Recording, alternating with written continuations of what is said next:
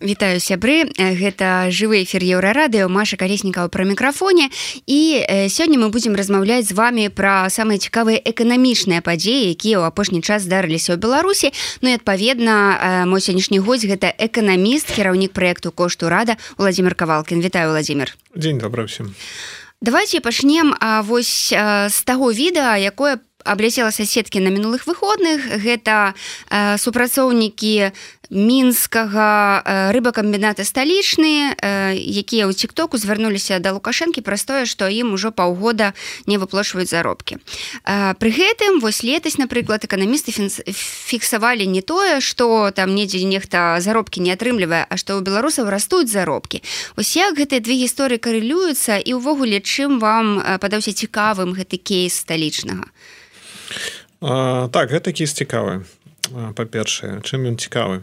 Ну па-першае гэта дадзеныя белстата і гэта хітрыкі луканомікі. Такой саўковай луканомікі.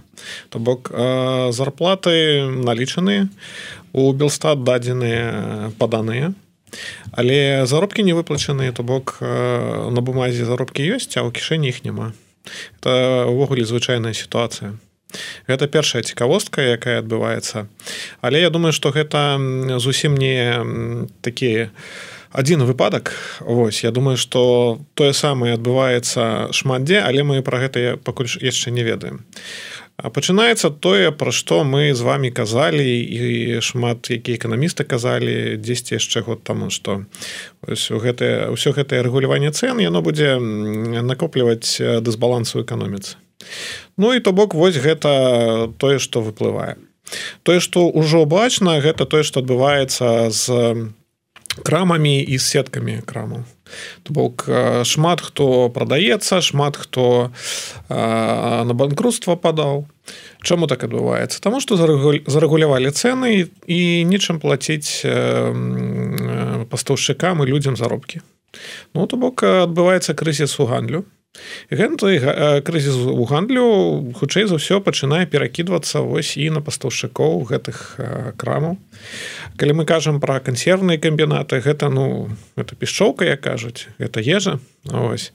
Я разумею, што там можа не быць вялікіх прыбыткаў, але калі мы кажам пра рыбу, гэта, як бы тэмачка такая кіраўніцтва справамі лукашэнкі ось і там заўсёды заўсёды і цэны высокія і хабар быў і все што бывае калі лукашенко робіць нейкую манаполію Там, там же дарэчы была гісторыя здаецца ў канцы года пра кантрабандную рыбу з гэтым прадпрыемствам што ў рассіі вы э, вось выявілі што прадпрыемства здаецца пастаўляе рыбу з францыі і з э, там фарэр нешта такое. Все магчыма магчымы схематоз гэта заўсёды так. Э, гэта такая звычайная практыка лукашэнкаўскага рэжыму то бок каб зарабіць 10 грошай яны э, штучна робяць э, такія прадпрыемствы манапалісты Вось і выдаюць нейкія дазволы там на працу гэтай сферы.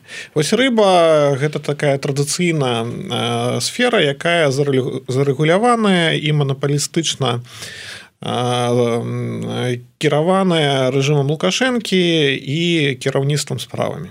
Вось. Ну і для мяне вельмі дзіўна. Ну, напрыклад, калі ты э, працуеш у сферы вытворчасці ежы, так а рыба гэта ежа. Ну можна не быць э, там занадта прыбытковым але вельмі цяжка быць стратным. Ну бо людзі заўсёды ежу покупаюць і калі мы кажам что вось гэты рынок які не можа быць э, стратным дзе банкрутства э, дасягнуць вельмі цяжка Вось ён атрымліваецца такім банкрутам, які не можа плаціць заробкі людзям. Ну гэта такі моцны званочак, што там у эканоміцы адбываюцца дысбалансы. Владимир калі вярнуцца яшчэ вось да гэтага а, такога прыёмнага пакою якім стаў тикток так вось ужо да вас у дадзеным выпадку як да кіраўніка petition бай вось чаму у апошні час назіраецца літаральна бум так вось гэтых э, зваротаў праз тикток там і парадзіхі э, у якіх былі праблемы так у радзільнях. І вось бабуля у якой там смярдзіць вода у гомельской вобласці. Вось гэтыя э, супрацоўнікі рыбакамбіната так? То бок э, атрымліваецца што яны адразу звяртаюцца да лукашэнкі. Э, бо іншых пляцовак просто няма мясцовым уладам яны не давяраюць. Так гэта дзейнічае? Людзі шукаюць справядлівасці. Гэта было, ёсць і будзе. Калі мы кажам пра тое, якімі сродкамі яны шукаюць так, даверу да чыноўнікаў няма, але ёсць вось гэты прапагандысцкі наратыў, добры Лукашенко, кепскія чыноўнікі. То бок лукашенко ён добры ён прыйдзе ён наведзе там парадачак ось і гэта пакуль ён там не прыйшоў і пакуль ён не звярнуў увагу гэта вось чыноўнікі робяць тое што хочуць рабіць з петышанцам таксама такая ж справа. Амаль што 50сотка ўсіх зваротаў спачатку людзі пішуць да лукашэнкі ну то бок яны думаю што вось у ну ўжо все калі ўжо до лукашэнкі напишу то будзе парадак гэта не так пісаць трэба самага нізу наверх пачынаць трэба там з нейкага райвыканкаму потым да абласнога і толькі потым уже ісці да міністэрства і ўзроўнем вышэй. Ну гэта па-першае. Людзі гэтага не ведаюць па-першае а по-другое яны вераць прапагандзе вось гэтаму наратыву. Паўтаруся лукашенко добры чыноўнікі кепскія калі напісаць да лукашенко ён прыйдзе і значыць пакарае чыноўнікаў навядзе парадачак это першае другое люди заўсёды шукалі сродкаў як данесці вось гэты гэты свой месседж. Зразумела что пасля двадцатого года данасіць свой месседж стала значна цяжэй. Раней люди што рабілі? Так яны звярталіся ў сМ і сМ маглі расказаць пра іх праблемы. Яны пісалі петыцыі на петішансбай і у іншых месцах і чынжорах працаваў таксама шмат што працавала. Зараз незалежныя медіа разбураны ў беларусі прызнаны экстрэміскімі з петішансбай таксама цяжка бо там ён заблакаваны ў беларусі. І трэба выходзіць на сайт люстэрка плюс яшчэ гэта для людзей такія псіхалагічныя рызыкі а у можа нешта здарыцца можа мяне пакараюць калі я там нешта напишу на петішансбай і пачну збіраць подпісы. Бок людзі шукаюць як распавесці вось пра свае праблемы пра свае беды. Яны знайшлі што вось тикток можа быць гэтым сродкам таким в акном у свет і і таму здымаюць гэтыя ролики у тиктоку. Тикток тут не першы не другі не десятый не ведаю прызнаюць тикток экстрэміскім напрыклад так? Гэта ж нічога не зменіць. Праблемы ўсё все равно будуць і ўсё равно люди будуць спрабаваць неяк дастучацца там дагрукацца до таго лукашэнкі каб ён прыйшоў і парадак навёў. Ну будзе там не ведаю тикток экстрэміскім будуць у нстаграм здымаць. Нстаграм будзе экстрэміскім будзе youtube youtube зачыніцца не ведаю у кантакце пачнуць там нешта відэа здымаць і дасылаць. То бок э, ну гэта звычайная сітуацыя. Калі ўлада разбурае тое што было гэта не значыць што праблемы знікнуць. Праблемы застануцца яны пачнуць вылазіць з іншых бакоў дарэч тут вось днямі ўжо прапагандысты звярнулі ўвагу на гэтыя ўсе скаргі праз тикток і пачалі э, як бы даносіць людзям што а вы самі ва ўсім вінаватыя? Маўляў што вы тут э, лезеце да лукашэнкі? Ён не гэтымі справамі займаецца. А вось вы самі вінаватыя што у вас вада смярдзіць Ну гэта яшчэ добра бо там могуць знайсці нейкіх завадзілаў лідараў спансаваных там не ведаю цру масадам яшчэ чымсьці так? І гістапік прыслаць ось ось гэта, гэта было б зусім кепска. Тое што пакуль што там прапагандысты пра гэта кажуць гэта яшчэ па цяперашнім часе не так кепска для для людзей. Ось так так адбываецца калі рэжым закручвае вось гэтыя гайкі людзі праблемы не вырашаюцца людзі все адно спрабуюць нешта рабіць. Ось але прапагандысты і ўсе гэтыя сілавікі яны адчуваюць сябе ведаеце недатыкальнымі не, не непакаральнымі законам. Ну праз гэта яны вось будуць людзей запалохваць Чым гэта ўсё закончыцца я не ведаю. Звычайна такое закончваецца альбо дыктактар помер змянілася палітыка альбо рэвалюцыяй ну і там кравішча так сабе перспектыва так. апошняя. Дарэчы вось пагадзіцеся што гэта ўсе звароты з'явіліся ну вось напярэдадні по прама выбараў і гэта такая непрыемная штука для чыноўнікаў Праўда? Часткова так часткова не бо ведаеце што для звычайных людзей вось гэты календар выбарны ён не мае ніякага значэння. То бок людзі не вераць у выбары людзі людзі добра ведаюць что такое выбары. Ось ну я кажу пра звычайных людзей нават там у вёсках у малых гарадах яны ведаюць што выбары ну гэта так такі ведаеце у гэта нейкае такое лакальнае свята плюс абавязак то бок ну вось павінен ты схадзіць на першамайскую дэманстрацыю там ну окей сходзіш. Павінен ты схадзіць на выборы ну сходзіш. Як э, Наталья качанова недавно так і казала. Так. свята і абавязак. Свята і абавязак так. Бок людзі не ўспрымаюць э, выборы ведаеце як такую кропку калі можна там пра свае пакуты распавесці. Людзі э, пачынаюць распавядаць пра свае пакуты калі ўжо немагчыма трываць цярпець і так далей. То бок ну звычайна калі людзям не плацяць зарплату яны не працуюць больш за 102 месяцы. То бок першы месяц не заплатілі ну добра там абяцанкамі пакармілі пачакаем другі месяц ну ўжо пачынаюць людзі разбегацца тут людзі чакалі 5-6 месяцаў. То бок ну гэта ўжо э, такі эфект накоплены. То бок гэта звычайна не пад выбары. Гэта ўжо немагчыма на што жыць немагчыма як далей цярпець усё гэта то яны пачалі записывать і гэта, гэта ніяк не звязана з выбарамі гэта ніяк не звязана з тым что там людзей нехта накручвае там. Ось гэта тыя дысбалансы якія рэжым лукашэнкі штучна сваімі руками стварыў яны пачынаюць вылазіць. А як вы думаете вось пры ўсім гэтым не пра пры незадаволенасці ўсё ж грамадства так уладамі ці будзе яўка на выбарах? Вельмі ж стараюцца слухайте можа будзе можа не будзе у любым выпадку калі не будзе то намалююць. Но ну, там бюджэтнікаў загоняць. Бабкі самі прыйдуць там патанную куруці яшчэ нешта. Но калі не дойдзе там моладзь нейкая ну то дамалююць.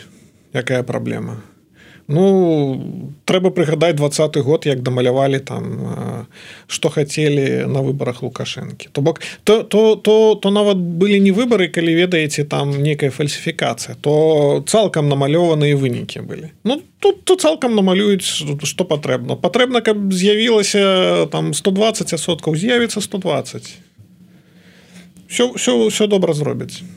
Людзі новыя прыйдуць і праблемы застануцца так? у беларусаў А, калі яшчэ вось пра заробкі так то некаторыя лічаць што заробкі ў краіне там напрыклад летась раслі праз тое што многія паз'язджалі з краіны так засталіся спецыялісты якім просто вось больш узялі працы за суседа і сталі больш зарабляць так?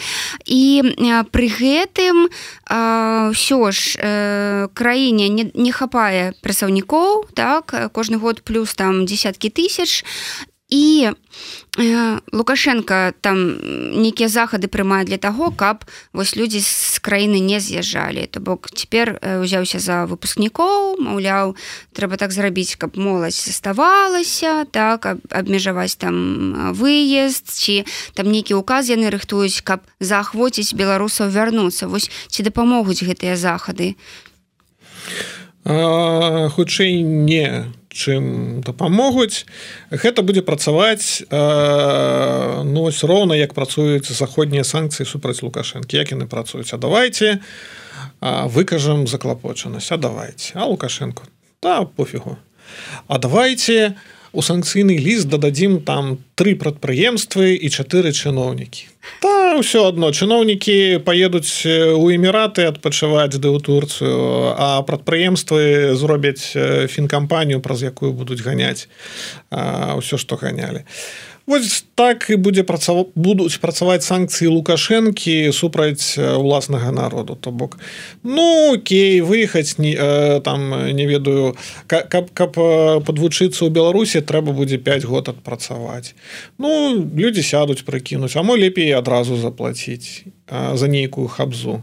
Там плюс подвучыцца на якога-нибудь айцішніка там і пачаць працаваць айцішнікам. а як кажуць дзеля корачки там дзесьці подвучыцца ў прыватным вузе ўсё на гэтым. Ну пойдуць туды. Ты хто хоча получыць атрымаць такую сапраўдную адукацыю ну там бацькі будуць глядзець уже ў Еўропу. Ну то бок нават калі паглядзець у тую самую Польшу то там будзе танней вучыць сваё дзіцятка чым у беларусі напрыклад так.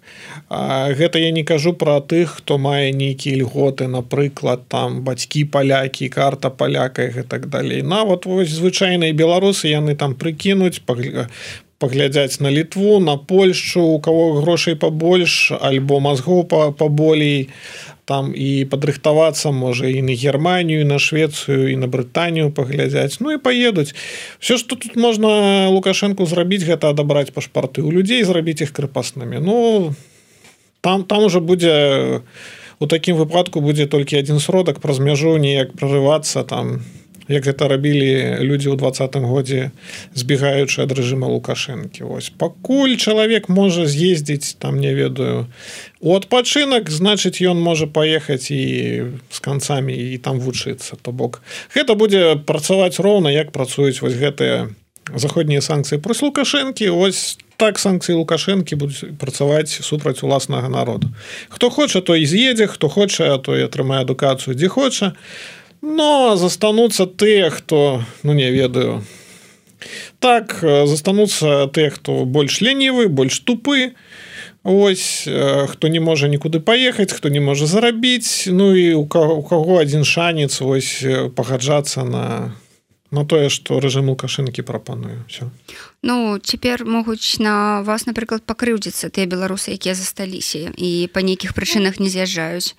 Ну звычайна ёсць людзі якія ведаеце такія дзесьці культурна дзесьці этычна такія вось яны застануцца звычайна так. І ну напрыклад людзі якія там з нейкіх дынастыяў ну напрыклад там не лекары то бок э, вось там дзяды былі лекарамі бацькі былі лекарамі я пойду лекарам там не ведаю у медыцынскі універсітет так людзі такія ведаеце ідэйныя яны застануцца але іх будзе вельмі мало то бок э, большасць беларусаў гэта людзі рацыянальныя. Яны падлічаць яны зразумеюць як рабіць Дарэчы пра санкцыі раз мы іх уже закранули тыя самыя што э, будучыя 13 пакет дзе сапраўды вось тры прадпрыемства і 6 здаецца нейкіх чыноўнікаў. Вось э, на прыкладзе допустим завода пелінг так? Расскажыце вось як гэта ўсё будзе выглядаць? Ну вось все пелінг аб'явілі под санкцыямі. Что далей? Ну далей будуць э, вазіць э, тое што трэба праз турцыю эміраты Кыргызстан Ну і все на гэтым як працавалі так і будуць працаваць. Ну зразумела что прыбытку стане менш бо наўпрост вазіць танней і больш выгодна. Калі ты возіш там не ведаю праз Кыргызстан і Турцыю то ну у тебя есть дадатковыя выдаткі на ўсю гэтую лагістыку на абслугоўванне ўсіх гэтых фінансавых схем лагістычных схем. Ну будзе менш грошай трохі менш грошай. На 5-7соткаў менш чым магло бы быць? Як вазілі так і будуць вазіць. Слухайте дык можа ўсё ж это санкцыі ўвогуле трэба адменіць владимир ведаеце гэта такое дыскутыйнае пытанне пра санкцыі. Трэба адмяняць не трэба адмяняць што з імі рабіць. Ось ну тое што показала практыка. Санкцыі водзяцца не дзеля таго каб а, даць нейкі эфект. Яны уводзяцца дзеля таго каб паказаць сваю пазіцыю. То бок ну вось краіны там развязу ЗША яны паказваюць сваю пазіцыю таким образом то бок гэта сімвалічныя санкцыі. Гэта не тыя санкцыі якія там моцна шкодзяць лукашенко бо калі калі б мэта стаяла шкодзіць рэжыму лукашэнкі былі бы другасныя санкцыі закрывалі бы там імпорт экспорт э, тэхналогіяў гэтак далей то, то бок гэта гэта был был бы быў быў была бы іншая размова. Что рабіць з гэтымі санкцыямі Ну яны э, большасць з іх яна санкцыю уведзена нават не за двадцаты год яна уведзена за суагрэсію супраць Украіны. То бок э, мне падаецца что дыскусія ведаеце у гэтай рамцы у уводить санкции адмяняць санкции. Яна можа весціся толькі у кантэксце А что там адбываецца з Украінай. Ну пакуль адбываецца вайна і гэтыя санкцыі адмяняць будзе цяжка. Бо там ну там же у законах гэтых санкцый санкцыйных там написано что санкцыі уведзены супраць таго-то праз тое. Ну і іх іх цяжка адмяняць калі нешта не змянілася. Ну то бок калі скончыцца вайна там будзе будуць мірныя перагаворы будзе магчыма казаць пра адмен санкцыю. Калі мы кажам про тыя санкцыі якія былі ўведзены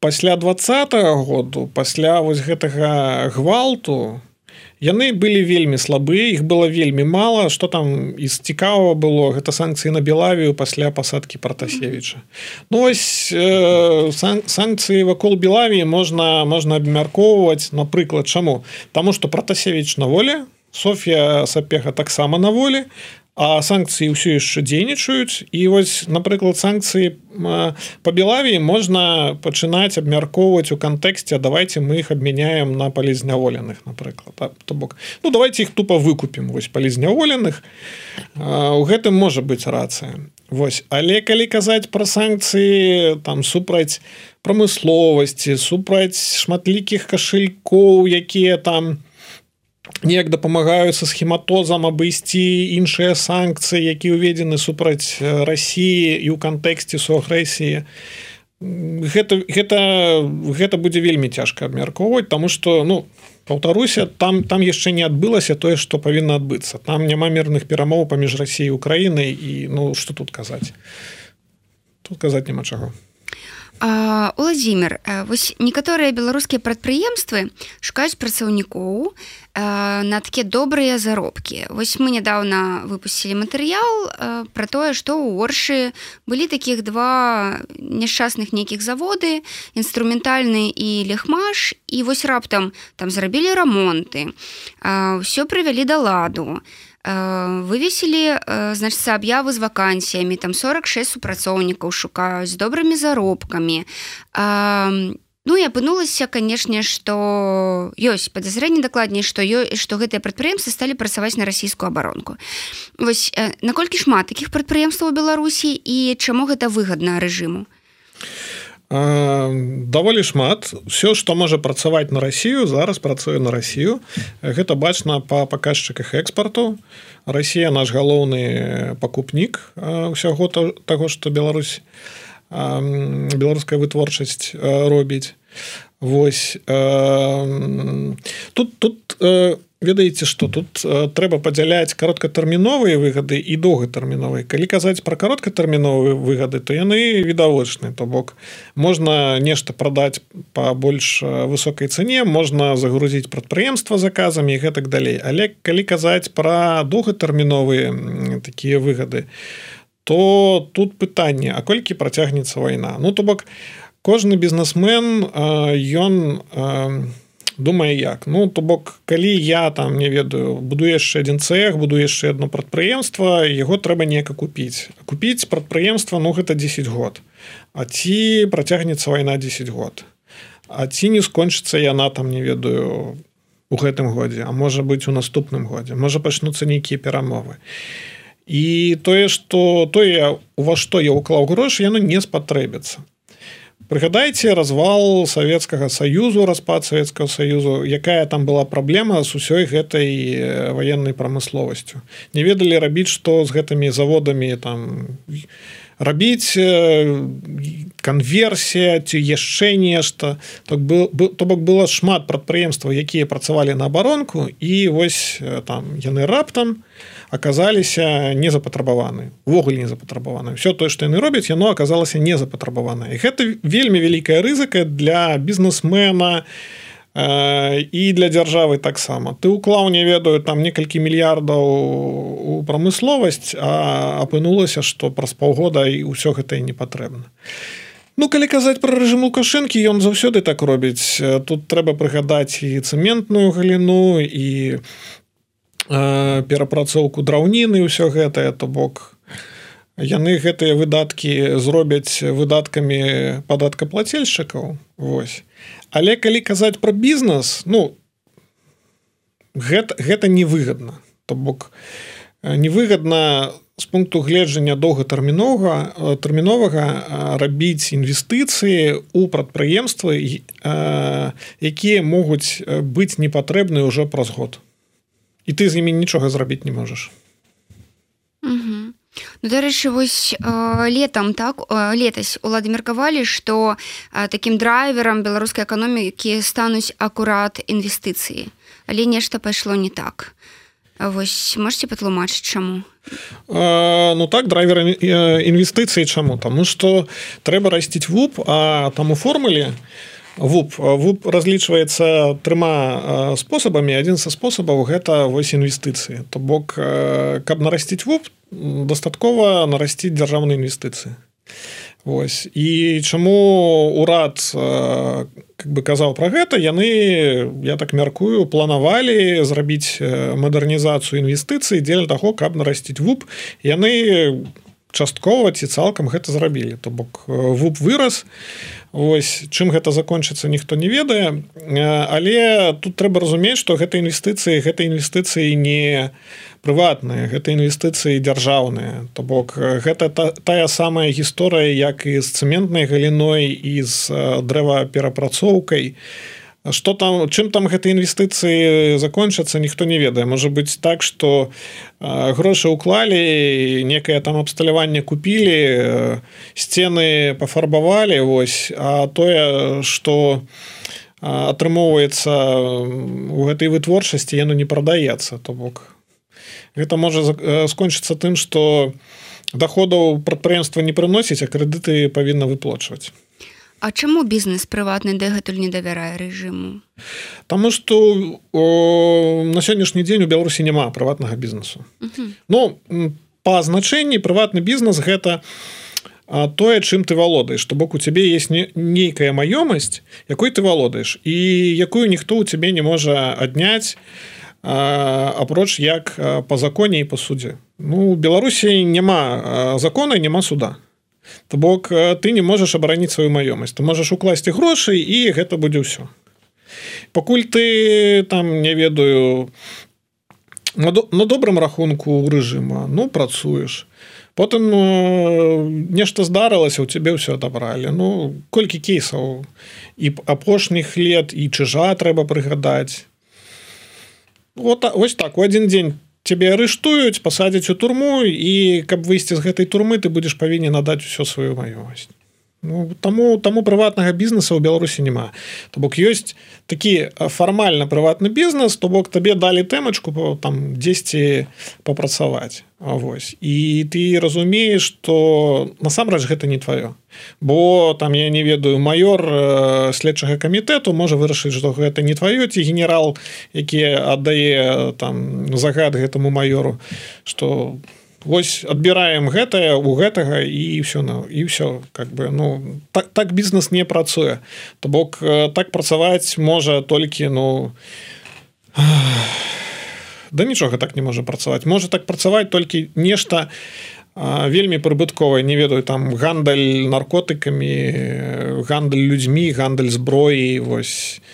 Нармальны бізнес так працаваць не можа. У таких умовах ён не можа працаваць.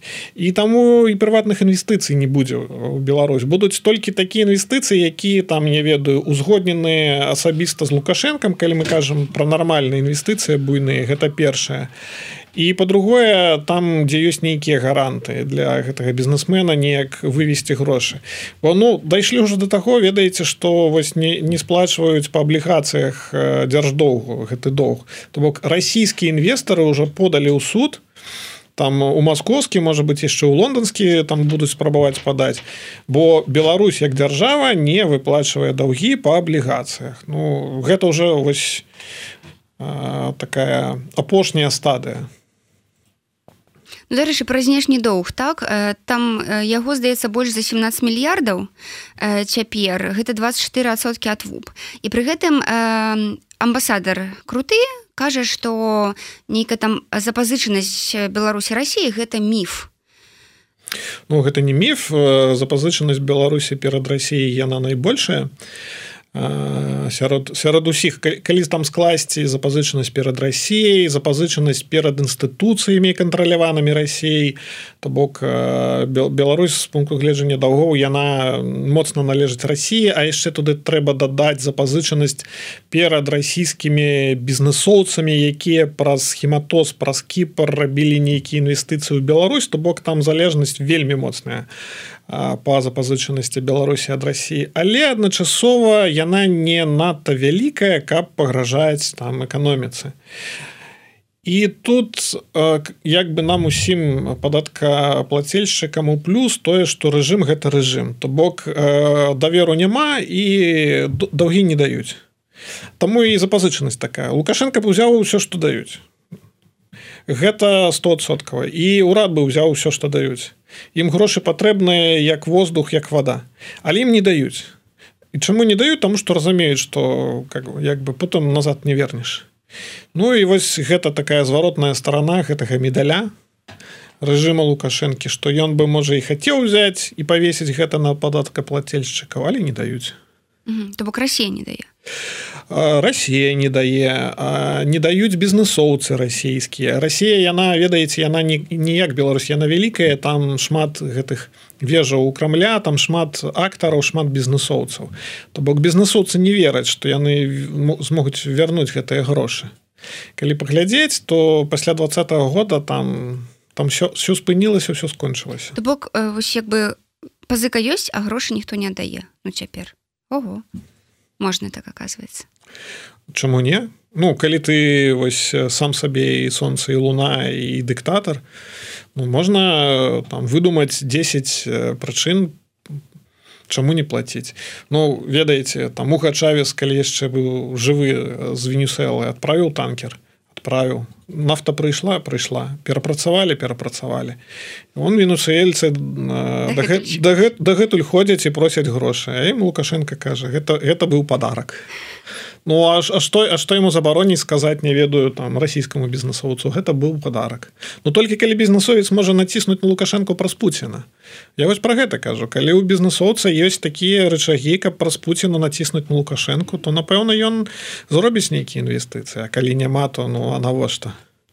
Ты укладзеш а потом табе скажуць ну, это быў подарок як ведаеце там Ілан маск падарыў мне тэсла А ты мне падарыў там не ведаю ось гэты камбінат все что будзе з сусветнай эканомікай калі раптам у ЗША падчас выбараў да ўлады зноў вернецца Дональд Трамп? Ну што датычыцца Дональда Трампа і той групы якое якая яго прасоўвае то яны ізаляцыяністы то бок будзе больш ізаляцыянізму у мировой глобальнай эканоміцы будзе больш тарыфаў будзе больш бар'ераў будзе больш цяжкасцяў у гандлю.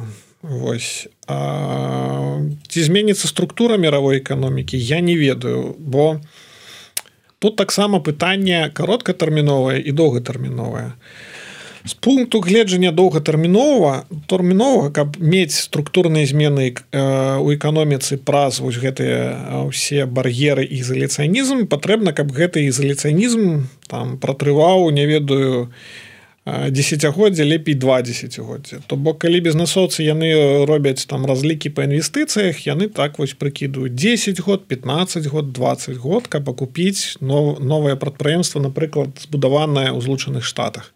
Ну калі мы кажам перанесці нейкае нейкае производство нейкую вытворчасць там з Китаю у штаты але прэзідэнцтва трампа гэта пра тэрмін 4 гады. То бок бізнесоўцы яны будуць чакаць чым чым, чым гэта ўсё скончыцца. І толькі калі вось гэты ізаляцыяністкі тренд ён пераможа там яшчэ раз на выбарах то яны задумаюцца а можа перанесці. А калі яшчэ трэці там не ведаю за трампам прыйдзе яшчэ адзін ізаляцыяніст вось тады яны пачнуць змяняць сваю структуру эканомікі то что я думаю у кароткатэрміновым гэта будзе больш э, больш дыскусіяў больш бар'ераў больш ізаляцыянізма ва ўсім свеце больш тарыфаў на экспорт на імпорт падатка ўсяго так, такога гэта будуць праблемы з ланцужкамі паставак ва ўсім свеце але структурных зменаў не адбудзецца. Каб адбыліся структурныя змены гэта дзегоддзі трэба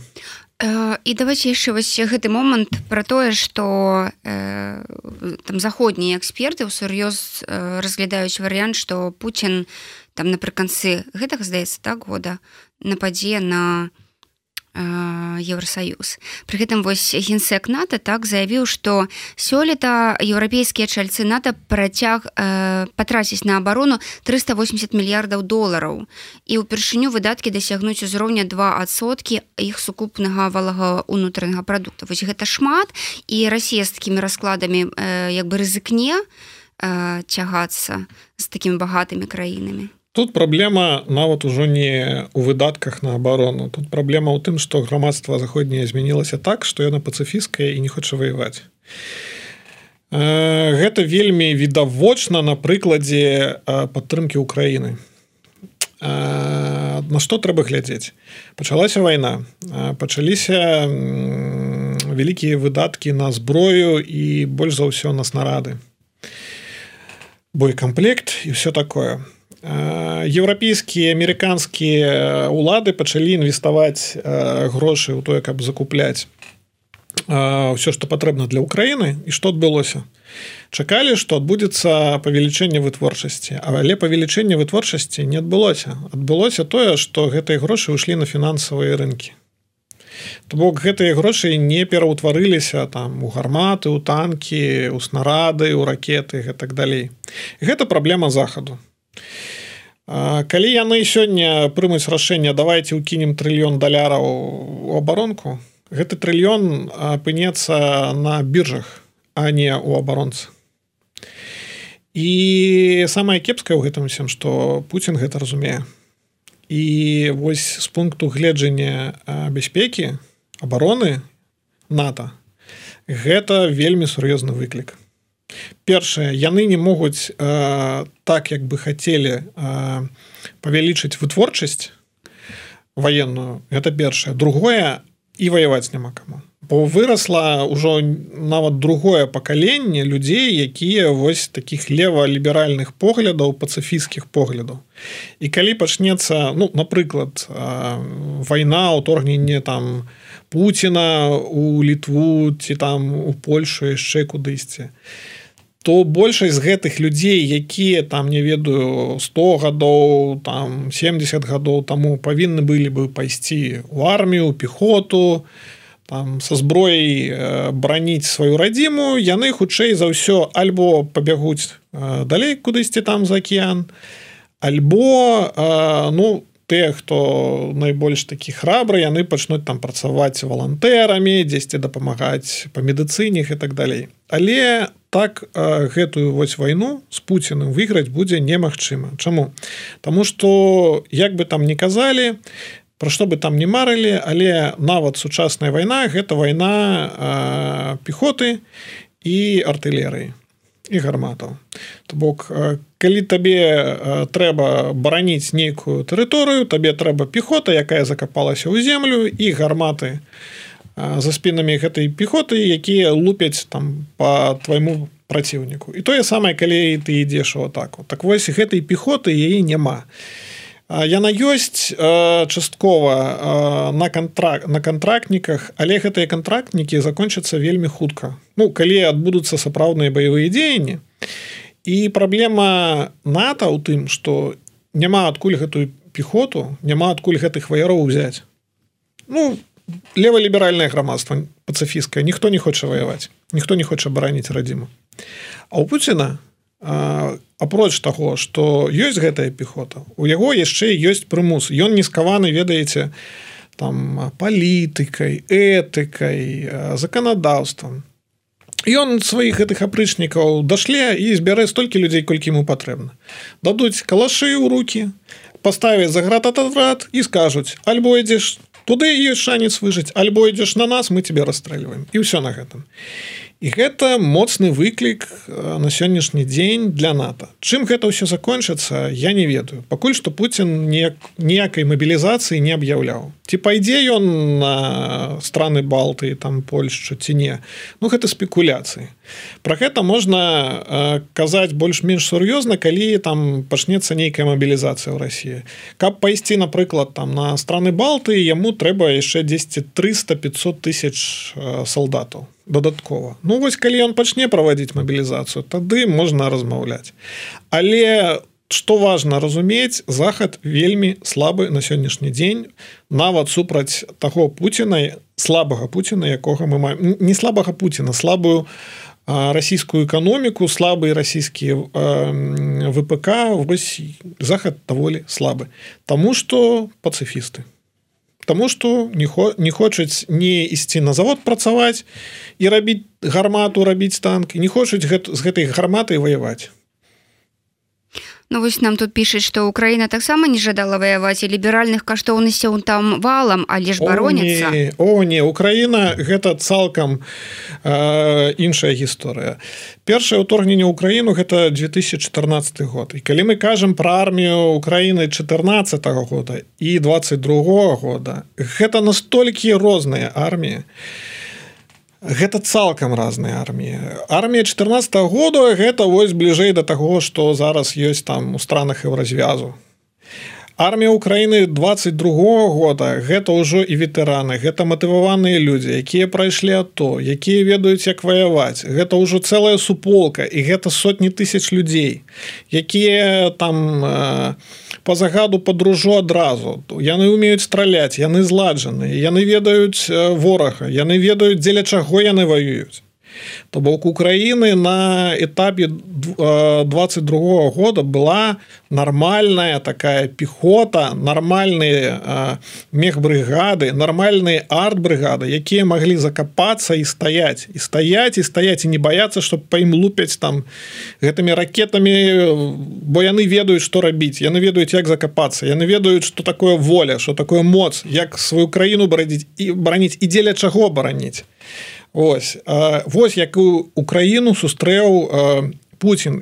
Яго разлік быў на тое што Украіна ў 22 годзе мае армію 14 -го года. І гэта і гэты разлік не спрацаваў. Путін і все яго генералы они не, не разумелі што Украіна змянілася. Але калі Украіна змянілася праз гэтыя 8 год то захад ён ніяк не змяніўся. Ён як быў вось пацыфістка леволіберальны такім і застаўся Ну, то бок атрымліваецца што калі ну такое тэоретычна здарыцца то значыцца беларусам альбо давядзецца абараняць э, сваю як бы сваё новае месца жыхарства альбо просто эміграваць далей у Аргентыну. Хутчэй за ўсё так. Э, ну, ну яшчэ шмат украінцаў у Польшчы у літве. Ну на, на што тут надзея надзея на украінцаў беларусаў якія ў Польшчы надзея на тых палякаў якія патрыятычныя. Напрыклад ну я ведаю што шмат палякаў вельмі патрыятычныя. Я ведаю што шмат палякаў рыхтуюцца да абароны сваёй радзімы. То бок Польша гэта не Германія напрыклад з пункту гледжання этыкі. Гэта не нас не настолькі пацыфі пацыфійская краіна.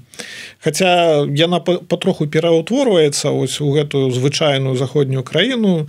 То бок не, не трэба ваяваць все людзі браця то все жанчыны сёстры давайте абдымемся давайте зробім харавод давайте любіць адзін аднаго А вось не гэта ўсё вельмі добра пакуль вораг не прыйшоў я як я як бы базава таксама пацыфіст я супраць войны. Але ну калі прыйшоў вораг трэба себе бараніць. Ось у Польшы яшчэ ну як бы засталася гэта этыка сярод палякаў і нават сярод моладзі польскай што трэба радзіму неяк бараніць. То бок тут ну тут тут надзея вось на, на, на беглых на украінцаў і на патрыятычных э, літоўцаў палякаў. Але калі мы кажам пра страны балты і калі мы кажам напрыклад пра напад з боку рассіі на страны балты то прогнозы цяжкія без э, падыходу войск нато там там няма пра што казаць ну просто у стран у странах балты менш за 10 мільёнаў насельніцтва і армія адпавядае гэтаму насельніцтву у беларусі таксама менш за 10 мільёнаў насельніцтва ну то бок тры краіны балты гэта одна Беларусь. І я не ведаю калі Путін ну, там захоча напасці гэта не будзе вайна супраць Украіны гэта будзе не ведаю. Гэта будзе нават не вайна су Росіі супраць Беларусі. Гэта будзе такі марш да клайпеды. Вось. А там ужо калі застаніліся партызаны добра. Калі не ведаю дапамога прыйшла з боку Польшчы плюс з боку ЗША там неяк яны па мору прыйшлі высадзіліся і адбіваць пачалі гэтыя тэрыторыі то добра.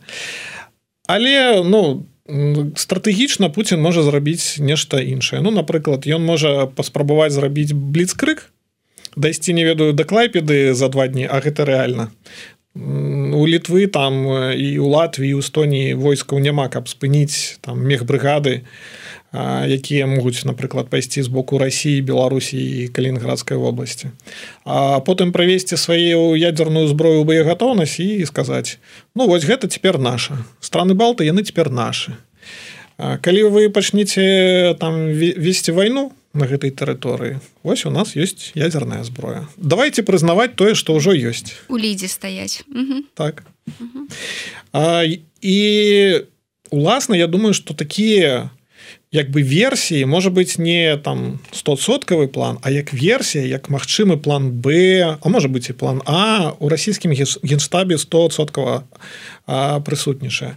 Захапіць за там дзень-два максимум три страны балты прывесці ў боегатоўнасць ядерную зброю і казаць Окей мы ведаем что у вас войска мацнее мацнейшая за наше але калі вы паспрабуеце адваяваць назад гэтыя тэрыторыі вось ядерная зброя і что рабіць як, як думаете что будуць рабіць у Берліне выкажуць заклапочанасць яшчэ санкцыі дададуць Ну і все на гэтым і такім чынам Путін можа вярнуць той самы савецкі саюз пра які он так маюць Я думаю что ён дзесьці так і мысліць Вось з Украінай пайшло зусім кепска калі б з Украінай пайшло добра Я думаю что зараз бы была размова не пра Украіну а пра страны балты Можа не з таго пачаў не з тых. Ну ён разлічваў што ў краіне армія як я кажу 2014 года а там аказалася армія не 2014 года. Там зусім іншая армія і зусім лю... іншыя людзі аказаліся ў войску. Ну у любым выпадку владимир все можа все адно пасці не так як мы тут намалявалі такі сумны сцэнар насамрэч так вельмі сумны сцэнар але паўтаруся мы пакуль што не видим падрыхтоўкі до гэтага сцэнара. Вось калі Путін пачне мабілізацыю паўмільённай арміі ось тады можна про гэта размаўляць. Пакуль гэта выключна спекуляцыі. На гэтым не і скончым так. Дякую вялікі я нагадаю владимир кавалкін эканаміст кіраўнік проекту кошту рада сённяшні наш гость. Так што сябры заставайцеся на наших хвалях. Ну а вам владимир добрага дня і гэтак далей Дякую да пабачэння